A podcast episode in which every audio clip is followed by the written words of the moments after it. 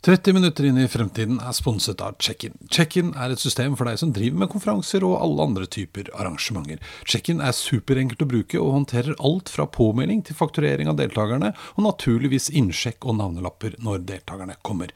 Hvis du har lyst, kan du prøve Check-in helt gratis ved å gå inn på checkin.no slash 30 minutter.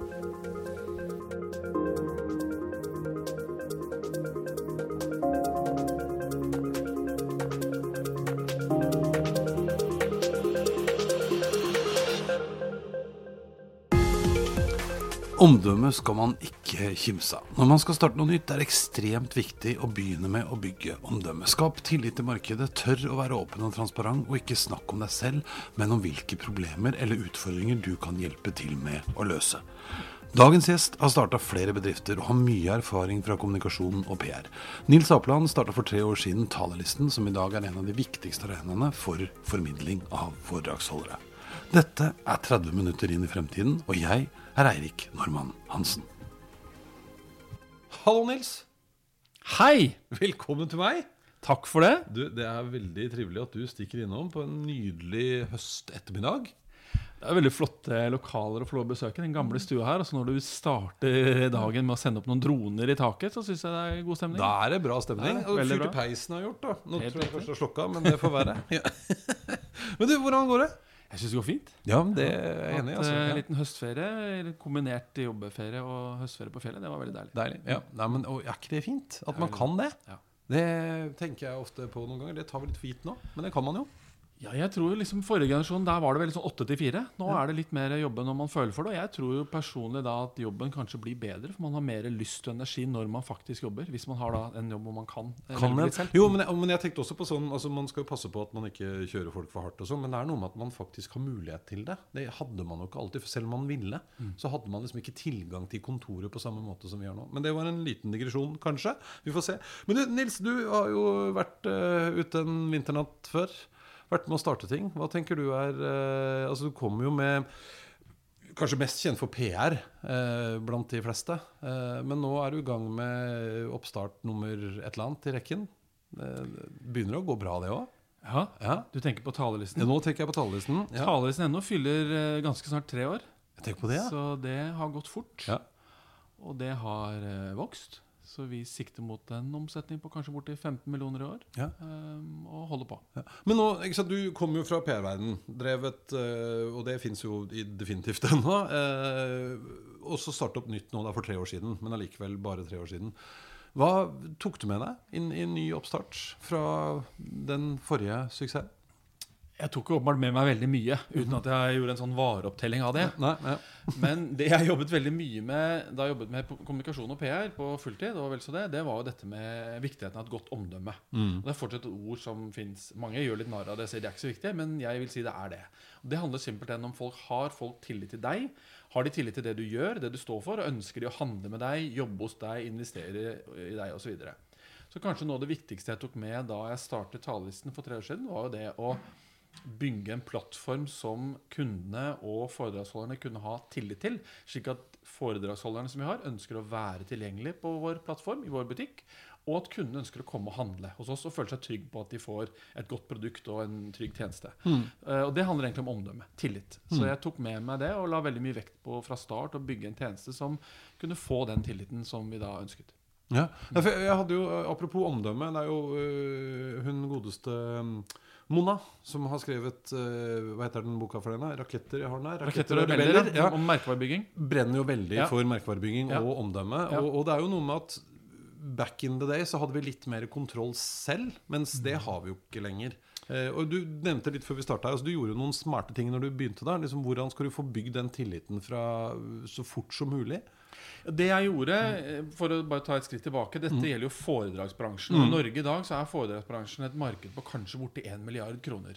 I altså kurs, konferanser, seminarer, hvor man leier inn eksterne personer. Ikke administrerende direktør eller markedssjef, men en ekstern ekspert eller motivator eller inspirator for å komme. Eh, og det jeg gjorde var å gå inn i dette markedet som var et eksisterende marked, men med en tjeneste som var mer basert på Airbnb og TripAdvisor. TripAdvisor var egentlig modellen min. Altså en side med eh, brukervurderinger, med priser åpne, og med lette søkemuligheter for å finne foredragsholdere. Og det jeg annet gjorde, var jo å finne ut hvilke foredragsholdere må jeg ha med meg for at de som stifter bekjentskap med tjenesten, skal ha tillit til den. Eh, og da valgte jeg personer som jeg hadde tillit til selv, og som jeg visste hadde tillit til markedet, og spurte dem først. Slik at Da talerlisten åpnet, så var det rundt 100 foredragsholdere som var publisert på den siden. Eh, og Da brukte jeg liksom snøballmetoden. Jeg spurte én flink foredragsholder, og så sa jeg til en annen at ja, men han er med, så da kan kanskje du med. Å, ja, er han med? Ja, men da vil jeg være med. Så det med opinionsledere eh, er viktig. Og for andre som ønsker å gjøre noe tilsvarende, hvordan kan du få viktige referanser? Det mange gründere sliter med, er faktisk å få den første kunden. Og særlig de som selger dyre løsninger. Da spør kunden sånn typisk Ja, hvem andre er det som bruker da? Og hvis du da blir svar skyldig, så står du ofte og spinner. Eh, fordi du sliter med å få den første kunden, og så går du kanskje til og med konk før du har fått omsetningen i gang. Så det får med seg opinionsledere er en viktig bit. En annen ting som jeg la vekt på, som jeg også vil råde andre til å gjøre, er jo det å legge skikkelig arbeid i navn og logo og, og visuell identitet. Eh, Fordi Hvis noe ser skittig ut når du går inn på en nettside, hvis det ser hjemmesnekret ut, så mister du litt kanskje den auraen du ønsker av profesjonalitet. Og jeg mener at mange, eller en del gründere i hvert fall, de nedvurderer det. De tenker seg ja, men broren min kan lage logo, og vi, vi bare snekrer sammen noe selv. Jeg mener at det er lurt å bruke profesjonell hjelp på det, og ha en skikkelig visuell identitet. Og så er det selvfølgelig det som, om, som må handle om er brukervennlighet. Hvis du har en digital tjeneste, som veldig mange tjenester i dag er, det må liksom virke fra første klikk. Uh, og det å jobbe med det og teste ut og finne løsninger, det, det er viktig. Der gjør vi jo alle feil i starten, men da må man være rask til å rette på de feilene, slik at tjenesten faktisk fungerer godt. Ja, for det er noe med det å lytte på eh, hva, hvordan responsen er, Ja. eh, og agere på det. Ikke bare ja, ja, men jeg driver og starter opp, skjønner du, så får vente litt. Grann. Ja. Litt testing. Samtidig, når, når tjenesten er bra nok for å kjøre, så mener jeg man bør kjøre. Mm. Eh, og så må du ha veldig mye feilretting i starten på digitale tjenester. Men du må jo være på et nivå hvor tjenesten faktisk fungerer, og transaksjonene går. Ja. Det må du være. Ja, ja fordi, for du, du nevnte et par andre ting også. I og med at liksom, tillit blir jo av mange nå definert som nærmest den nye valutaen. Eh, så det å få med noen opinionsledere, folk som folk stoler på, det er en viktig ting. Ja. Dette handler jo om kanskje referanser for andre, da. Hvis jeg Ja. ikke driver med foredragsformidling, men noe annet. Altså det å få til et case og bruke noen referanser eh, er viktig. Det andre du snakka om, det var For du har jo turt å være veldig transparent på pris. Mm. og fikk vel kanskje litt grann spørsmål rundt det til å begynne med, men, men liksom tatt et standpunkt i forhold til det. Ja, Vi var den første tjenesten som legger ut åpne priser. Og Ja. det er vi fortsatt. Mm. Og også brukervurderinger og arrangørvurderinger. Så hvis du går på Thales, kan du lese hva andre bedrifter med navn mener. Ingen anonyme, alle er med navn og bedrift eller virksomhet. Og lese det. Og det var noe med å ta litt den inspirasjonen fra andre typer bookingtjenester eh, som må ha den åpenheten og ha den transparensen. Så det har fungert bra. Men det var noen som var skeptiske, men det var ikke mange. Og Jeg må vel kunne si også at det var de over 60 år stort sett som var skeptiske. Ja, ja, for det er jo litt rart, Ja. på en måte. Med alle andre tjenester forventer man liksom å lure på hva det koster. Ja, og det, det som var litt morsomt med det, det altså Jeg har med min sønn Henrik. Han er jo investor og medarbeider i selskapet. Han var vel da 13 år. Ja. Og jeg sto hjemme og laget mat, husker jeg. Og så sto vi og prata om Så sier jeg til Henrik «Eh, Burde vi ha åpne priser, eller? Hva syns du om det? Dette var sommeren før vi lanserte.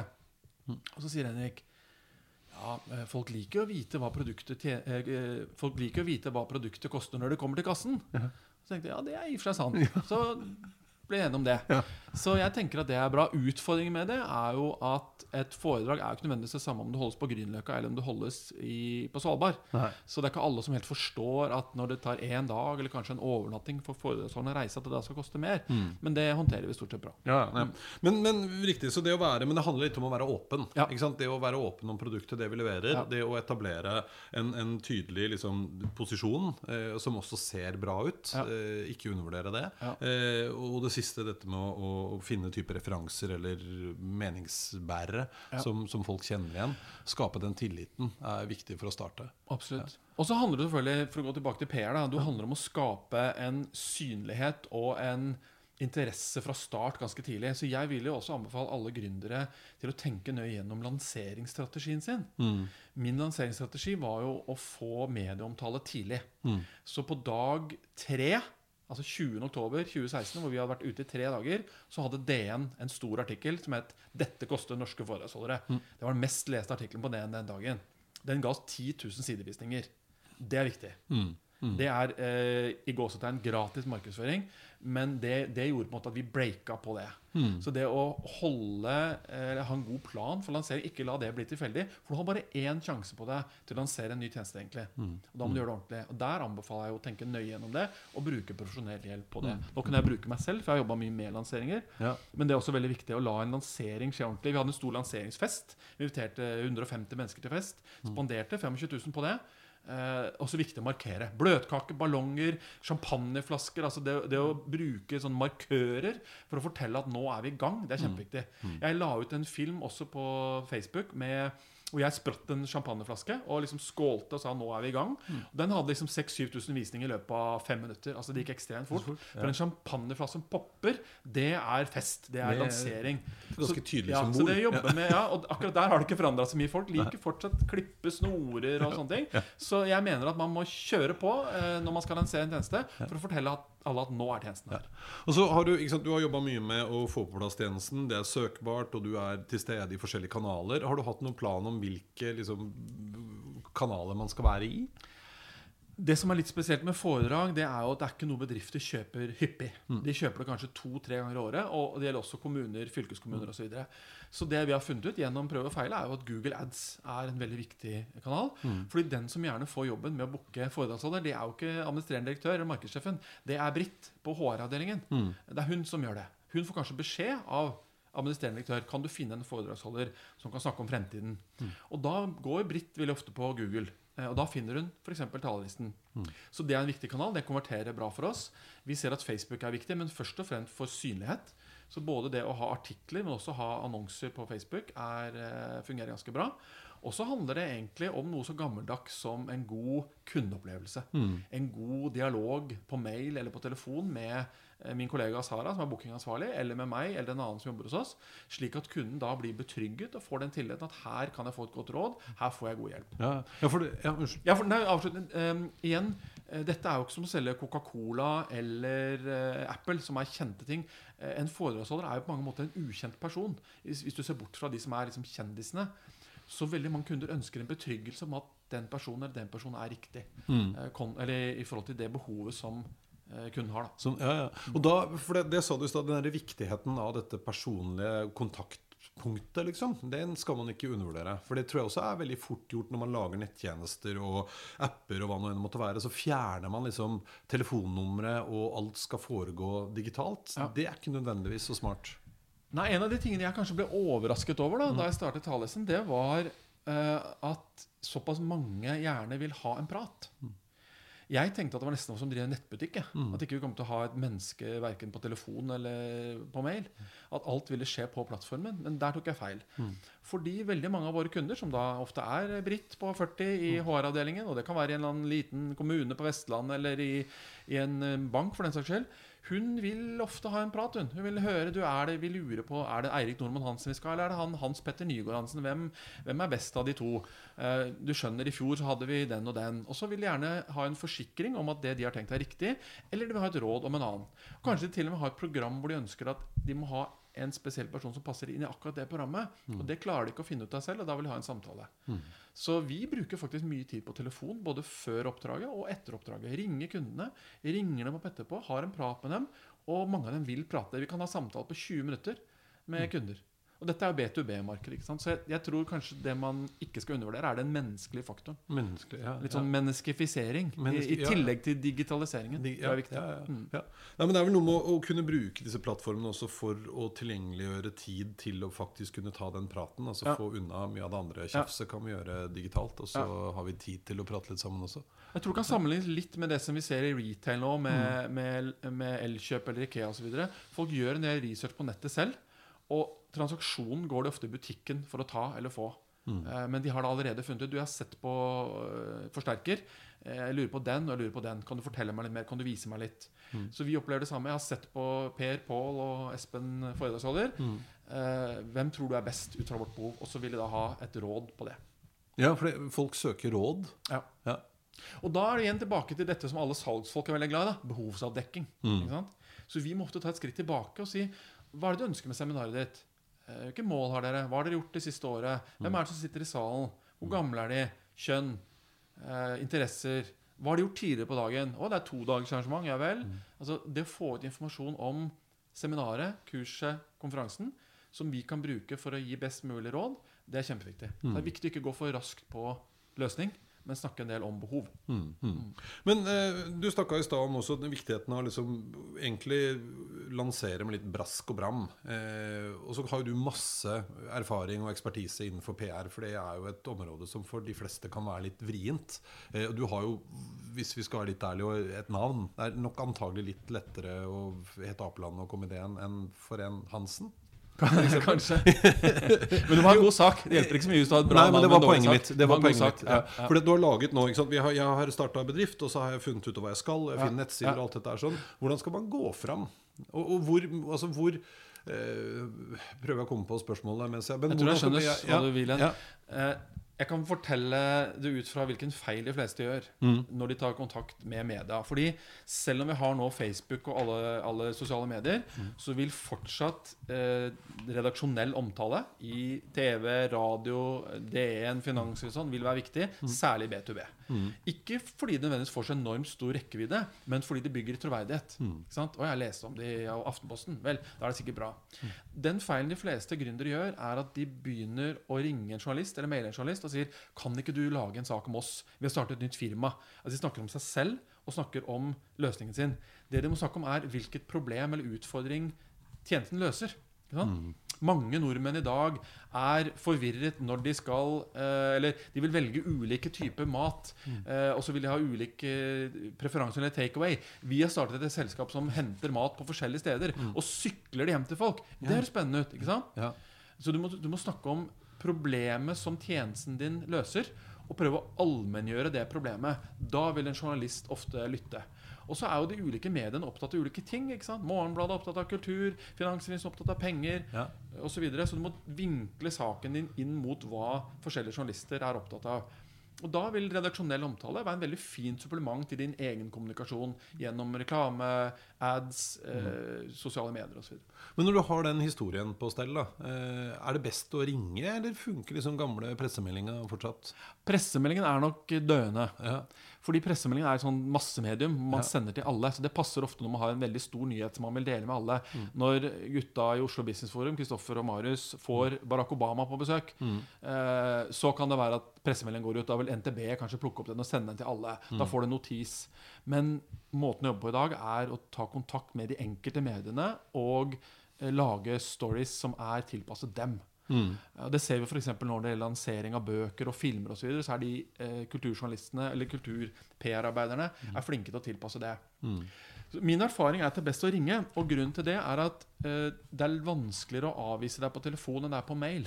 Hvis du sender en mail, så sier journalisten 'nei takk, jeg tror ikke dette er noe for oss'. Da er liksom døra lukket.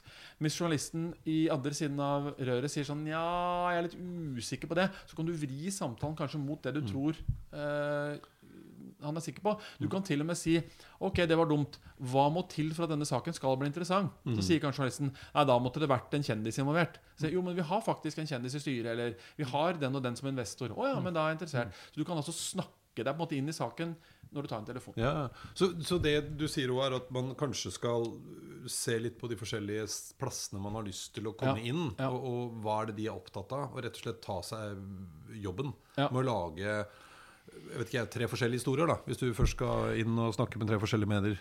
Ja, Du må tenke litt markedsstrategi. Hvem er vår tjeneste rettet mot? Mm. Hvilke medier leser de? Leser de Skifter? Leser de DN? Leser de Finansavisen? Leser de Kapital? Leser de Dagsavisen? Mm. hører de på P3? Hva, hva, hva gjør de? Og så lager du en plan hvor du da tenker ut hvilke medier er det som passer min målgruppe. Og så går du videre og tenker hvilke historier er det vanligvis denne typen medium har. Er det Se og Hør? Jo, de har kjente mennesker. Har vi kjente mennesker? Ja, ok, da kan vi jobbe videre med det. Og så prøver du å bryte historien opp i biter. Du kan nesten tenke som eh, et puslespill som består av mange forskjellige biter. Og så prøver du å gi en bit til hver av mediekanalene. Det kan være fem-ti ulike historier. Eh, og så prøver du å få den enkelte journalist til å oppfatte at det de får, er noe spesielt. Og det bør helst også være det. For du kan ikke lure journalister og si at Ja, denne skal du få alene, og så har du gitt den samme saken til konkurrenten. Det er dumt. Da Mm. Blir, ja, det- det da blir de sure. Da, ja. Men, men du må eksempel velge mellom VG og Dagbladet, kanskje. da Mm. hvem, hvem er mest interessant? Men, men er vi for opptatt av altså Jeg husker I min tid som markedsdirektør så var det liksom litt sånn oppåvedtatt at det eneste som gjaldt, det var å komme i DN eller eh, Finansavisen eller altså de store riksdekkene. Er vi for opptatt av det? Ja, kanskje. Mm. Men det kommer jo an på hva du skal lansere. da Jo, ja, men Det skjønner jeg. Men Så- hvis vi liksom holder det litt nedpå sånn starte liten bedrift Det er ikke Jeg tror igjen vi må tilbake til tillit. Hvilke medier er det som har tillit? Mm. I verden så er det kanskje type New York Times og, og CNN osv. I Norge er det type NRK, Aftenposten, Dagens Næringsliv. Og hvis du har en sak som passer inn i et medium med høy tillit, så er det selvfølgelig veldig bra. Alle i Norge ønsker fortsatt å komme på Dagsrevyen. Selv om veldig mange ikke ser Dagsrevyen, så er det å komme på NRK Dagsrevyen er en fjær i hatten PR-messig. Eh, og du får spredning osv. Så, videre. så ja, er man det? Jeg vil, jeg vil tror man skal tenke kanskje litt mer som en sånn bukett. Mm. At du tenker at du ønsker forskjellige typer omtale. Altså, Gå tilbake til lanseringen i Talelisten. Den som fikk lov å breake Talelisten-nyheten, det var jo faktisk Hans Petter Nygaard Hansen. Ja. Som vi begge kjenner, og som driver, eh, og drev da en blogg, ikke en podkast. Eh, fordi jeg oppfattet at han var en person som hadde en eh, stemme Ja. i dette miljøet. Ja. Så han fikk lov å ha nyheten først, før eh, Dagens Næringsliv. Ja. Og så var liksom budstikka min lokalavis. ikke sant? Haslumann bak ny tjeneste. Det er en fin sak. Mm. Eh, Finansavisen hadde en sak. De hadde en egen vinkling. Så man må liksom jobbe litt med vinklingene. Ja, for det, det du sier nå, det er jo egentlig litt sånn at man bygger saken litt opp. Ja. Eh, og gjennom det så blir den kanskje også interessant for de større. Ja, og så må du tenke bilder. Mm. Du må tenke Det er eksempel ofte kjedelig å komme på kontoret og besøke deg der. Men jeg inviterte for eksempel Finansavisen til å være med ut på foredrag. Så de lagde fire sider hvor de var med Nils Apland ut og holde foredrag. Og så fortalte de om den nye tjenesten. Da ble det fine bilder. Mye morsommere enn at jeg sitter på kontoret og forteller. Ja, ja. Så du må tenke også visuelt. Hva kan bli en bra film? Hva kan bli bra lyd? Hva kan bli bra bilder? Hvordan kan dette se ut? Så du må tenke litt som i entertainment-bransjen. Igjen litt sånn blø- bløtkaker og ballonger og champagne. Og ting som er visuelt. Det er spennende. Lære av det, altså. Ja, ja, ja. Det har egentlig ikke forandret seg så veldig mye. Faren min jobbet med PR på 60-, 70-, 80-tallet. De holdt på med det samme greiene. Altså. Det var eh, markører. Og, og, og få ting til å se bra ut på bilder og sånn er kjempeviktig. Media elsker gode bilder. De elsker gode filmklipp. Og filmklipp får jo også spinn i digitale medier. Ikke sant? Mm, mm. Ja, ja, for jeg ser jo, du, du er jo, altså Nettsidene så er det liksom stadig vekk nye artikler. Ja. Eh, Du er fra tid til annen i media. Det har jo vært veldig mye rundt nettopp dette hva koster en foredragsholder og, og sånn, men der synes jeg det er noe med å gripe den sjansen også. Ja, det er fordi nordmenn elsker jo pengesaker. Og hvor mye folk tjener og sånn. Så Ja. det er jo derfor eh, denne type ting er veldig salgbart. Salgbart, ja. Men så har vi fått på plass alt det der, og så har du begynt å Du begynte ganske fort å ansette folk òg, men altså, det er ikke så nøye når man gjør det. Men opplever du at det er annerledes å få tak i folk i dag? Er de opptatt av andre ting når de skal jobbe hos deg, enn det de var for eh, 10 og 20 år siden? Ehm, kanskje ikke så veldig. Jeg har jo ansatt folk som er halve alderen min. Jeg ble jo akkurat 50, og de fleste hos meg er jo rundt 25. Ja. Og eh, de er veldig opptatt av fleksibilitet, og det får de masse av. Det, det er ikke eksplisitt uttrykt, men jeg oppfatter at de er det, og det får de. De er opptatt av ansvar, eh, det får de. Og de er opptatt av sømfrie tekniske løsninger. Mm. Jeg tror de yngre nå, som også mange andre, er jo opptatt av at ting skal funke, og det skal gå greit, og det skal, skal ikke være så tungvint og sånn. Det det vi kan tilby en liten bedrift, er jo en helt annen fleksibilitet enn en stor virksomhet. da. Vi kan ta beslutninger over bordet, vi. Det gjør vi, sier jeg. Og så gjør vi det. Mm. Mm.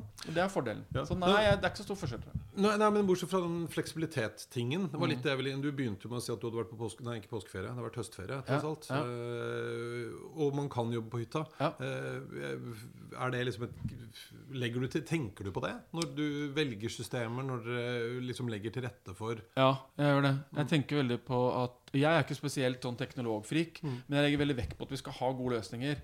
Og alle som jobber hos oss, nå er vi fire ansatte, litt sånn deltid osv., videre kan fra mobilen publisere ting, endre på ting. Fjerne profiler, legge Altså Vi kan gjøre alt på Vi har en, vi har en eh, Wordpress-løsning som Martin Grønneberg har bygget opp. Veldig god. Men det er veldig enkelt. Uh, jeg er opptatt av brukertilgang. Uh, Jeg er opptatt av tillit. Altså Alle hos oss kan poste ting på Instagram. Alle kan poste ting på Facebook. Alle har tilgang til de ulike kontoene. Altså mer eller mindre, da. Så jeg er opptatt av å finne folk som tar eh, ansvar, og gi dem tillit. Mm. Og det handler jo om ledelse. Mm. Og jeg er i hvert fall veldig opptatt av det, og det fungerer bra for meg så langt. hvert fall. Ja. Hva, hva tror du motiverer folk nå til å, å liksom holde det gående? Det er veldig individuelt. Du har ikke snakke om bare nei, nei, talerlisten nå, men du tror- treffer mye mennesker ja, rundt omkring også. Ja, jeg gjør det. Ja. Jeg tror svaret på det er de fleste har lyst til å være med på noe som er gøy, noe som er i vekst, Mm. noe som er utvikling, noe de kan være med å bestemme. mm. Jeg tror at selv om den yngre generasjonen nå er veldig sånn pliktoppfyllende og, og greie og ordentlige, så tror jeg veldig mange har en, eh, lyst til å ha en følelse av å være med på et lag som gjør spennende ting. De kan komme med forslag i møter og se at deres forslag blir vedtatt. Mm. De kan se navnet sitt eh, på en eller annen nettside. Mm. De føler seg med på det, og da tror jeg de er villige til å gå herfra til i måneden omtrent. Mm.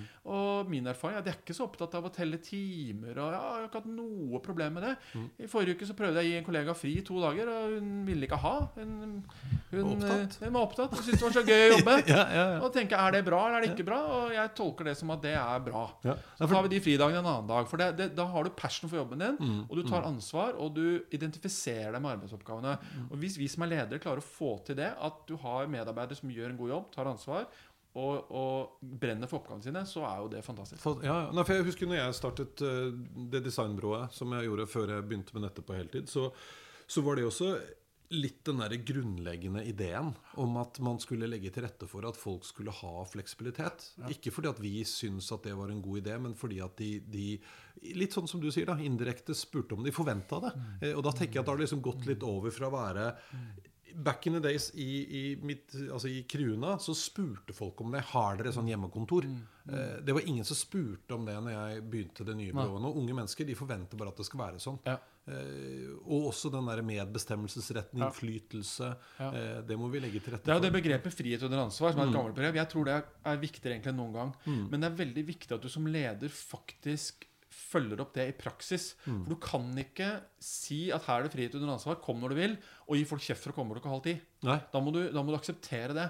Og, og min erfaring er at medarbeidere flest er fortsatt veldig pliktoppfyllende. Og de vil unnskylde seg. De vil spørre kan jeg gå litt tidligere for jeg skal til frisøren. Eller eh, moren min har bursdag i morgen. Eller sånn, sånn. Så da er du nødt til å praktisere det i praksis. Du kan ikke drive og eh, på en måte gi med den ene hånden og ta med den andre. Du må, Da må du akseptere det. At noen ganger jobber de seint, noen ganger kommer de tidlig, Ja. osv. Og det er, en, det er en utfordring tror jeg, for mange ledere. At de må svelge litt de der eh, Hvorfor var ikke de andre her så tidlig som jeg var, f.eks. Nei, ikke sant? Nei, men Du var jo litt inne på det i stad. Altså når du har medarbeidere som takker nei til å få fri, Ja. eh, og at man kanskje ikke er så opptatt av hvor mange timer man jobber. Eh, for jeg tror at mange av disse gamle strukturene vi har også, er litt med på å ødelegge det. det er, ja.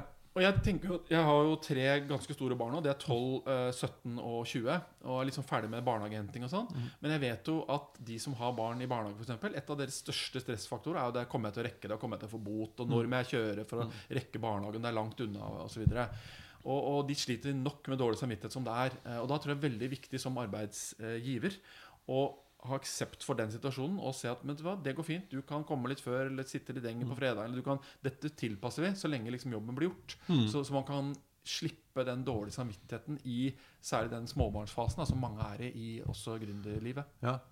Alt er et jag, liksom. At Ja. man faktisk kan Da skal du ikke i tillegg den der 'Å, fader heller, om jeg går nå'. Jeg har gått uh, heseblest fra jobben mange ganger, fem på fire, og fått bot i barnehagen. Uh, og det er ikke noen god følelse. Nei. Og vi må ikke bidra til den. Da må vi heller legge til rette for at de kan plukke opp jobben senere, eller jobbe litt ekstra i helgen, eller hva som måtte passe dem. da Og igjen, som vi snakket om i stad, jeg tror at folk jobber best når de har lyst til å jobbe.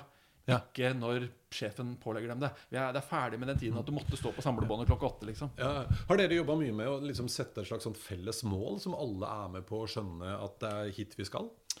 Både og. Um, vi har sikkert ikke vært flinke nok på det, men det fungerer i hvert fall. Jeg har vel erfart, og har også lært av andre nå som jeg har hørt holde foredrag selv, at jeg tror det er viktig å sette korte mål. Jeg kommer faktisk nå fra et møte med mine medarbeidere tidligere i dag, og i dag er det um, 7. oktober. Men eh, vi ser ikke så mye lenger enn til jul nå. Nei, ikke sant? Nei. Nei.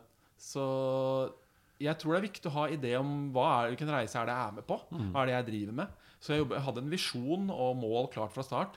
Men nei, jeg har ikke jobbet så veldig mye med det. egentlig Nei, nei, men det er vel kanskje jeg holdt på å si forenlig med at flere og flere slutter med det. Ikke sant? De der lange Ja. budsjettene. Ja, sånn, jeg- man har en eller annen sånn Vi skal Ja. bli verdens beste innenfor et eller annet. Men veien dit, den må vi ta litt underveis. Jeg vil si vi jobber i et sånn tremånedersperspektiv. Ja. Men jeg har lyst til å, å bringe inn et råd fra en foredragsholderkollega, Morten Hansen, som er kjent for den boken som heter 'Suveren på jobb', eller 'Great at Work'. Mm. Og Han skriver i et av kapitlene sine om at det er viktig å finne den krysningspunktet mellom passion og purpose. Mm. Det er to litt sånn slitte ord, men det han sier er at virksomheten må ha en purpose. Er det, hvorfor er dere til? Hva gjør dere? Mm. Og den må helst møte medarbeidernes passion. Hvis du kan finne jobb i skjæringspunktet der, da vil du få lojale og arbeidsomme og ivrige medarbeidere fordi de ønsker å være med på å bidra, og de ønsker å, å oppfylle sitt eget, eh, egen passion. Da. Det ble jo en herlig liksom, avslutning på den samtalen her. sånn Hvis vi nå skal vi ikke se tre måneder frem, nå skal vi se frem til 2030. Hva tror eh, Nils om 2030?